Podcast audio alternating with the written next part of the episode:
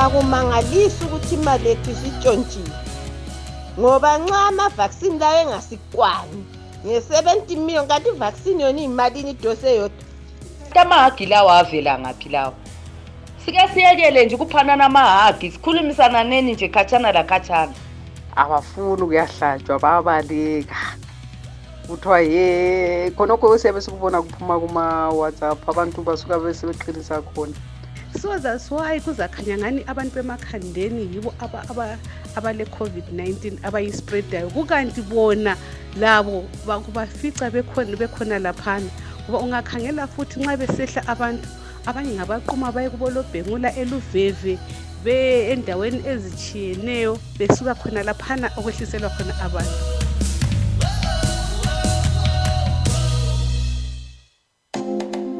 radio dialogue community radio station radio dialogue giving you a voice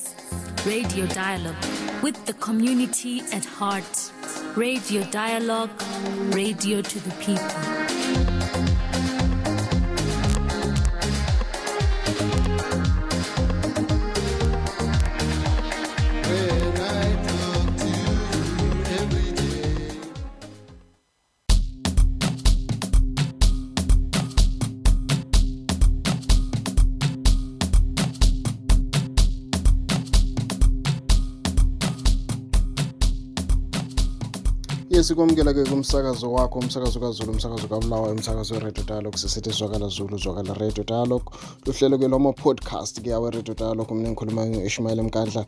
uh, lamhlanje ke kuhlelo lwethu ke olwe radio dialogue podcast show lamhla sikhuluma ke ngendaba ke ye-covid-19 yona ke esisidlubhedu ke emalangeni uh, sibonile ke ama-cases ke laphana lokhe siya ke khuphuka uh, ungathi ke sokusethusa ke kuye wonke umuntu laphana kanye ke labempilakahle labo baxwayisa ukuthi abantu kabazama ukuzivikela ke ngoba ke isimo ke sesiphakathi kwaso ngani ke sesizima kakhulu ungakhohlwa ukuthi-ke inhlelo zethu-ke ze-radio dialogue podcast ke sisekelwa-ke yi-zimbabwe association of community radio stations izacras yona-ke esincedisa kakhulu-ke ukuthi sikuphakulele-ke lezi nhlelo-ke um eh, ngezikhathi zonke njengoba ngike ngatsho-ke laphana ukuthi-ke uhlelo kethu lwethu lwalamhlanje-ke sikhuluma-ke ngodaba-ke lwe-covid-19 um ah, ukuthi-ke abantu-ke bona lapho abakhona-ke kumi njani-ke njalo balezi nsolo bani-ke ngendlela-ke izinto ke ezenzakala ngayo ke endaweni zabo ke ike yikho ke sike sathi ukuthatha ke imbono ke siyiphiwa ke ngabantu ke abatshiyeneyo ke laphana ke sayihlanganisa ke saphuma lo hlelo uh, sizathu ukuthi ke sizwe kibo ke maduzane kodwa ke ungananzelela ke izimbabwe ke ngeyinye yamazwe ke laphana ke akhanya ke eqhutshwa ke phambili kuthiwa ke yiyo amazwe asezamile ke sibili ukuthi ke bahlabe ke izizalwane zabo ke ngevaccine-ke izimbabwe isidlulisile i-1 million isigidi-ke esisodwa-ke esabantu asebehlabile ivaccine-ke laphana kodwa-ke abantu ngani balokusola-ke ngokuningi-ningi-ke kubalisela-ke ukuthi ivaccine yona le esiyihlatshwayo kati yona vele isinceda ngani njalo ivela ngaphi-ke yenziwe njani-ke konke-ke khona lokhu-ke uzazizwela-ke khona lapho-ke emsakazweni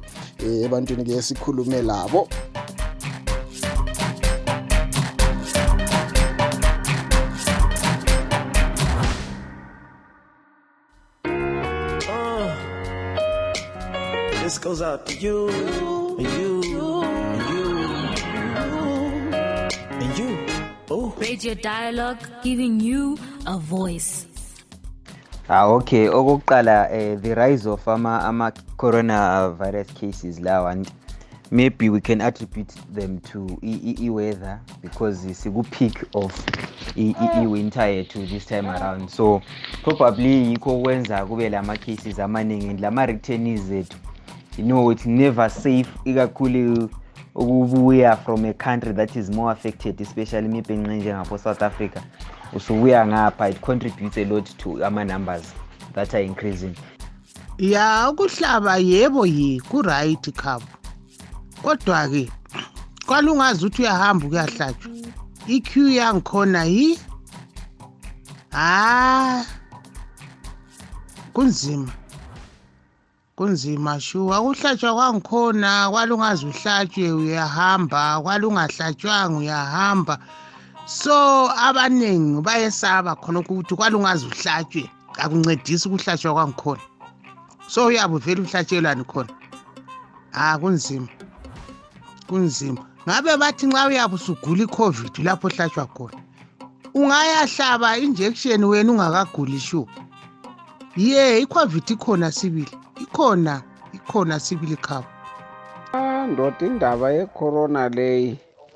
inzima indaba yecorona inzima ungakhangela lezibhedlela lapho icongestion ekhona vele akula oda akucaci iphesi abahlaba ngayo abantu vele uyazi very slow i-national pace kodwa-ke abantu khabo njenjengoba ngikhuluma kunjenje khonapha lapho engikhona eterminus um eh, umakhelwane nje kufe ababili and then nxa befe kunjalo i-understand i-corona nale ngoba baphokuba lama-sudden death and they confirmed ukuthi corona so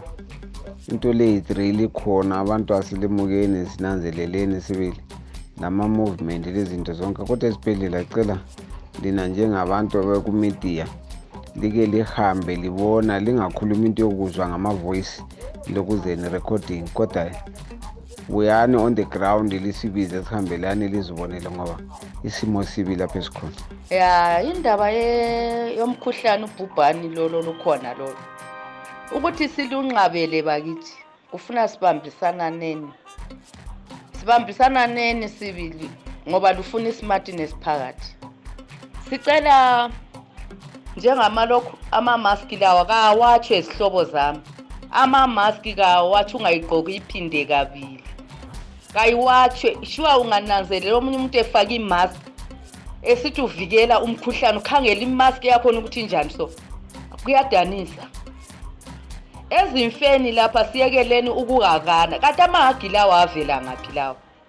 sike siyekele nje ukuphanana amahagi sikhulumisananeni nje khatshana lakhatshana ngoba lapha ngikhuluma ngento engiyibonayo abantu lokhe beyagana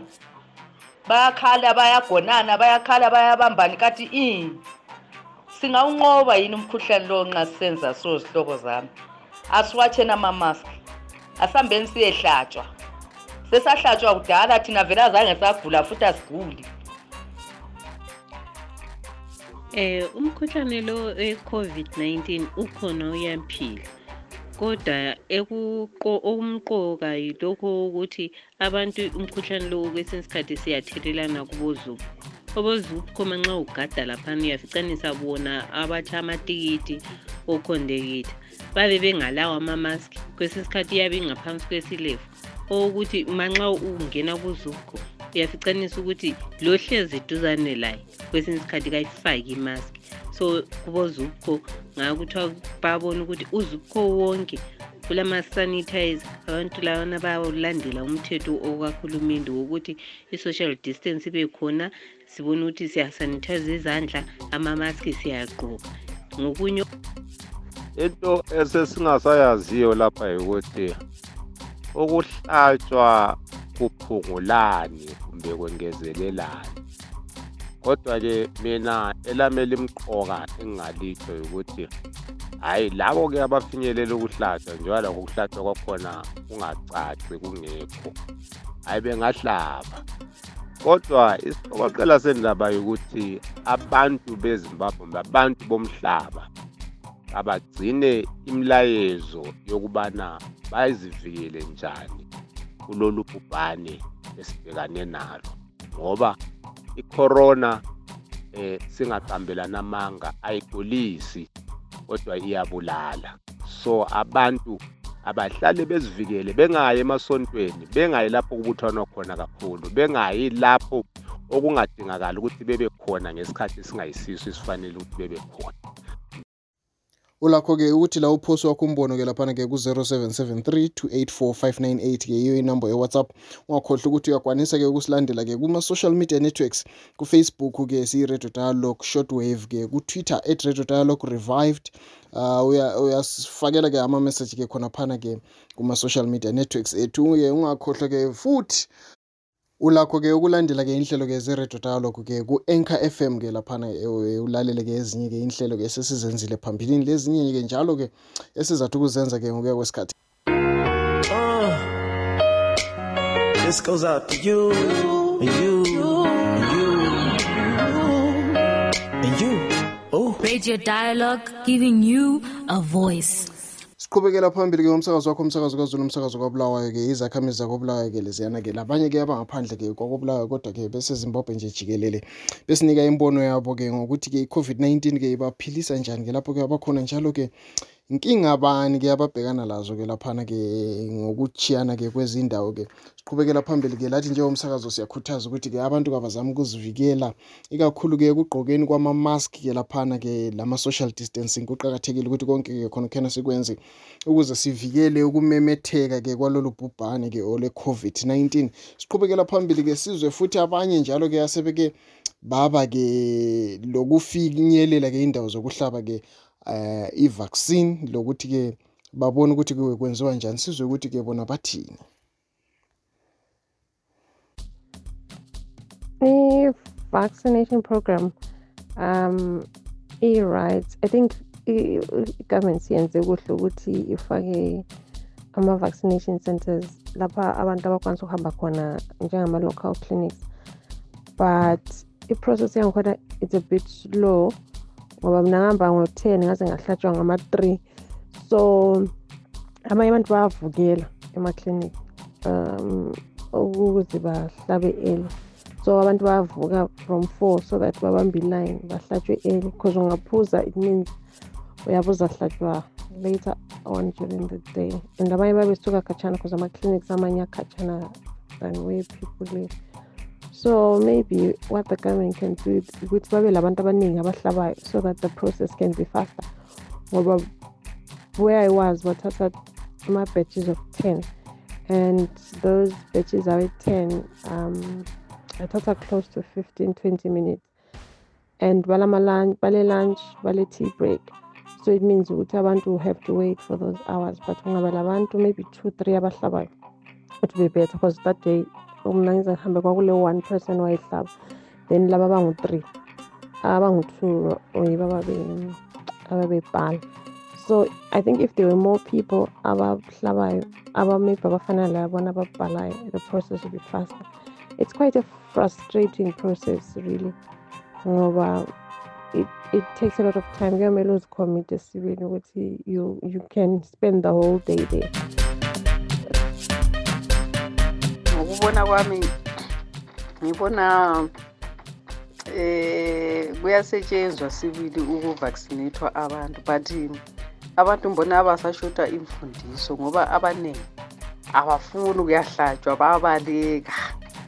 kuthiwa ye khonokho siyabe sikubona kuphuma kuma-whatsapp abantu basuka besebeqinisa khona ukuthi ye ungahlatshwa kumbe kuyathinithini after two years uyafa so ngibona kusafunakala imfundiso enkulu ebantwini ukuthi sifunde ukuze singesabi kuya vaccine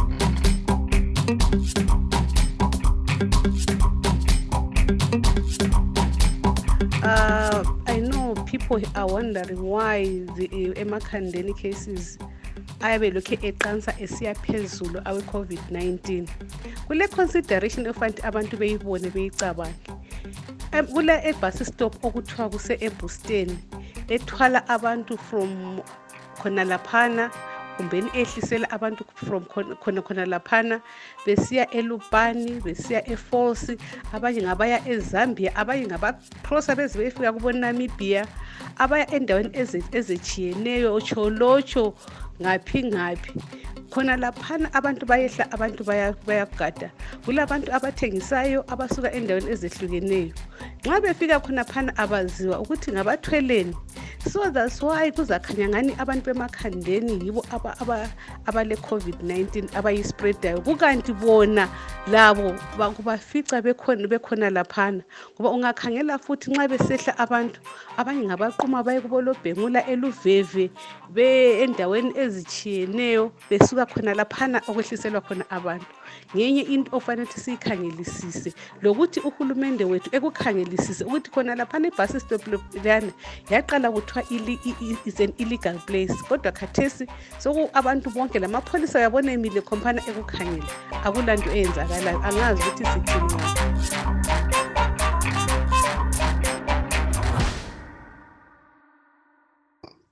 first and foremost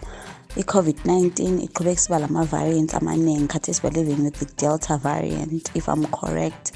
everyone is scared because ama-signs and symptoms futhi asejikile so i think sihamba sigula nje umphakathi wonke because you already know siyagada imishova we are in places kuminyene sometimes kuyakulama-overcrowding so basically i feel like it's something that won't be eradicated as soon as we may think so that's maybe my point but khona lokho kuphela ukuthi abantu nje babe careful and all that lokuthi um siyabona ukuthi ama-health facilities ethu arana i-strain they are like facing i-strain so lathi ezomphakathi baby if we may be careful in all that we do and then i think it's also a good thing it's so amazing to see which is zimbabwe hit um, 1 million jobs i think it shows um, a progress we are so excited because the vaccine is our hope as well so um, it shows which the government as well as the health um, the health sector us so hard ukuthi umphakathi uthole le vaccine and it's one of the amazing things ukuthi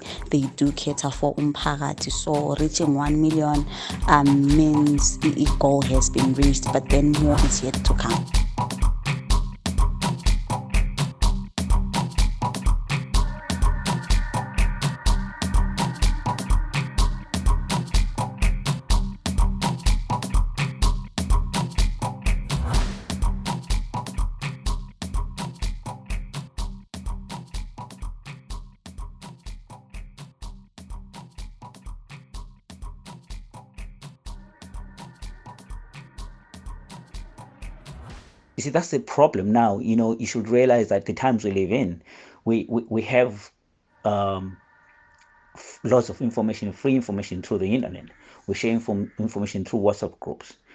And then you'll find that the real information and the truth, I mean, the truth and the false information are equally competing for our attention and even the false information itself it's so designed in such a way that it can easily be believable uh, and that's what we call conspiracy theories so for that reason people are confused people don't really know what um, what the truth is they're being told that okay this this covid uh, thing is not real these vaccines will make people infertile. These vaccines, uh, uh, you know, will actually kill people. Um, well, you know, whilst I, I personally Cannot verify that. I don't believe it.